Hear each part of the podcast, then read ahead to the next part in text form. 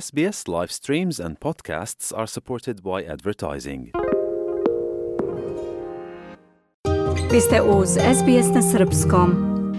SBS radio na Srpskom. Ostanite sa nama u nastavku više o godišnjicama koje su oblikovale dve srpske kraljevske dinastije. Na današnji dan 1903. godine oficiri zaverenici su ubili u rano jutro u Beogradu kralja Aleksandra Obrenovića i kraljicu Dragu. Kralj Aleksandar Obrenović na vlasti došao 1889. posle abdikcije oca kralja Milana, ali su zemljom zbog maloletstva vladara upravljali namesnici. Preuzeo je vlast državnim udarom 1893 zbog ženitbe 1900. dvorskom damom Dragom Mašić sukobio se sa ocem i navukao na sebe opšte nezadovoljstvo. Zaverenici, među kojima je bilo istaknutih političara i oficira koji su ga ubili u majskom prevratu, prema julijanskom kalendaru tada važećem u Srbiji kraljevski par je ubijen 29. maja, na presto su potom doveli dinastiju Karađorđević a važna godišnjica za tu dinastiju je svakako stogodišnjica venčanja kralja Aleksandra i kraljice Marije, koja je svečano obeležena 8. juna. Njegovo kraljevsko visočanstvo, prestolonaslednik Aleksandar i princeza Katarina, otvorili su tim povodom izložbu u kući kralja Petra I na Oplencu, posvećenu sećanju na veličanstven događaj koji se dogodio pre 100 godina. Izložbu je priredila zadužbina kralja Petra I. Upravnik zadužbine Dragan Reljić rekao je za radioteleviziju Topola da je to značajan istorijski događaj koji je počeo kao ugovoreni brak, a završio se velikom ljubavlju. Jednog veoma značajnog istorijskog događaja koji je počeo kao jedan ugovoren brak posle Versajskog e, mira za podelu teritorija, završio se velikom ljubavlju iz koje su rođena tri kraljevića, potonji kralj Petar II, princ Tomislav i kraljević Andrej. Taj brak je veoma značajan za porodicu Karadžorđevića. Od tog trenutka vratila se ponovo u dinastiju, u srpsku dinastiju krv Svetog Save Nemanjiće, pošto je kraljica Marija bila direktan potomak porodice Nemanjića.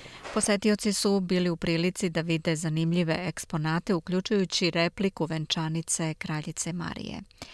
Reljić je rekao i o izložbenim eksponatima. Na samoj izložbi je izložen tepih na kome su stali mladenci e, koji nam je ustupila e, Srpska pravoslavna crkva, Saborna crkva u Beogradu. Ovom prilikom se posebno e, zahvaljujem protodiriju Stavroforu Petru Lukiću. Takođe je ovde Aleksandar Petarić, naš dizajner, uradio rekonstrukciju, vrlo dobru rekonstrukciju originalne venčanice kraljice Marije, izložena je sablja kralja Aleksandra koju je poklonio Hercegovaca, također tu je i prsten sa venčanjem kralja Aleksandra i kraljice Marije na koji su utisnuti grbovi kraljinje Jugoslavije i Rumunije, maršalska palica Rumunije, kao i replika same venčanice koju je potpisao patrijarh Dimitrije. Otvaranju su prisustovali njena ekscelencija gospođa Silvija Davidoiju, ambasadorka Rumunije u Srbiji, gospodin Dragomir Acović, član Krunskog veća, članovi udruženja Kraljevina Srbija i drugi gosti. Njegovo kraljevsko visočanstvo, prestolonaslednik Aleksandar, obratio se prisutnima na otvaranju izložbe. We are here today to remember a great love that existed between my grandparents, King Alexander Danas smo ovde da se setimo da postoje velike ljubavi. Jedna takva večna ljubav je otpočela na današnji dan pre 100 godina, venčanjem mojih deke i bake, kralja Aleksandra i kraljice Marije. Njihov brak je možda započeo kao državni projekat, što je u tom vremenu bilo prilično često za mnoge evropske kraljeve, ali pokazat će se da je on bio mnogo više od toga. Treba napomenuti da je njihova bračna zajednica donela mnogo dobrog za našu zemlju i region.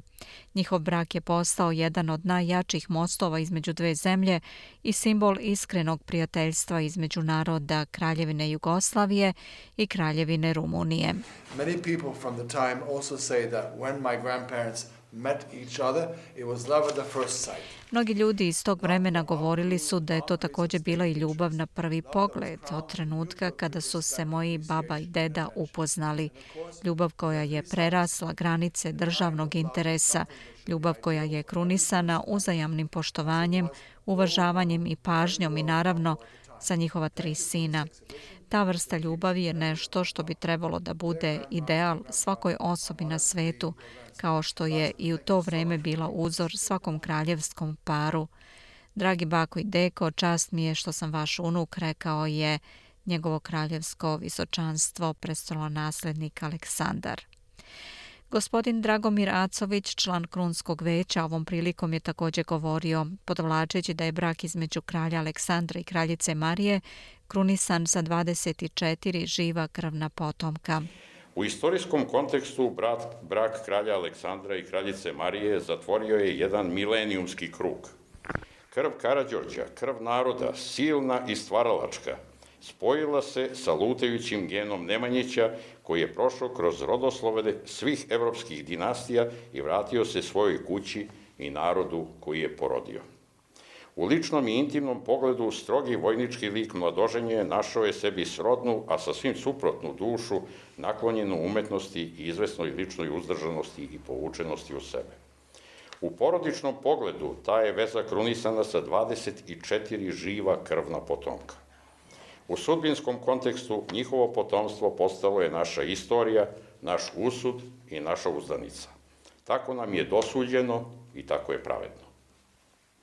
Ovo je skromna izložba. Ne zato što je komemoracija jednog čitavog veka od događaja koga se sećamo nešto malo i beznačajno, nego zato što je od naše kralja i kraljice ostalo sačuvano beznadežno malo. Ubijanje njihovih života i postojanja nije stalo danom njihove smrti. Nastavljeno je sa žarom i strašću kojima protok vremena ne može da naudi ili da ih ublaži. A opet, pogledajte oko sebe – Iz ovih predmeta i senki istorije vlasti i života govori i nada da nije sve bilo ni ostalo uzalud. Da će jednog dana iz mračnih rupa svesti i depoa muzeja i trezora banaka izroniti predmeti svedočanstva, sećenja, glasovi savesti i slike vremena koji će pokazati i utvrditi jednu drugačiju priču istorije i o istoriji. I to neće biti revizija istorije, već glas pravde i potvrda izlečenja od bolesti koju smo negovali i čije smo postojanje proglasili zdravljem i istinom. Venčanje kralja Aleksandra I. i kraljice Marije bilo je prvi veliki događaj te vrste u Evropi posle Prvog svetskog rata i izazvao je veliko interesovanje.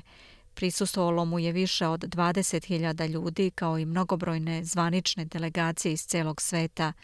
Ceremonijal majstor je bio legendarni srpski pisac Branislav Nušić, rekao je na otvaranju istoričar Aleksandar Marinković, autor knjige Ženitba kralja Aleksandra. Svadbene svečanosti su se odigrale 8. juna, dakle pre tačno 100 godina.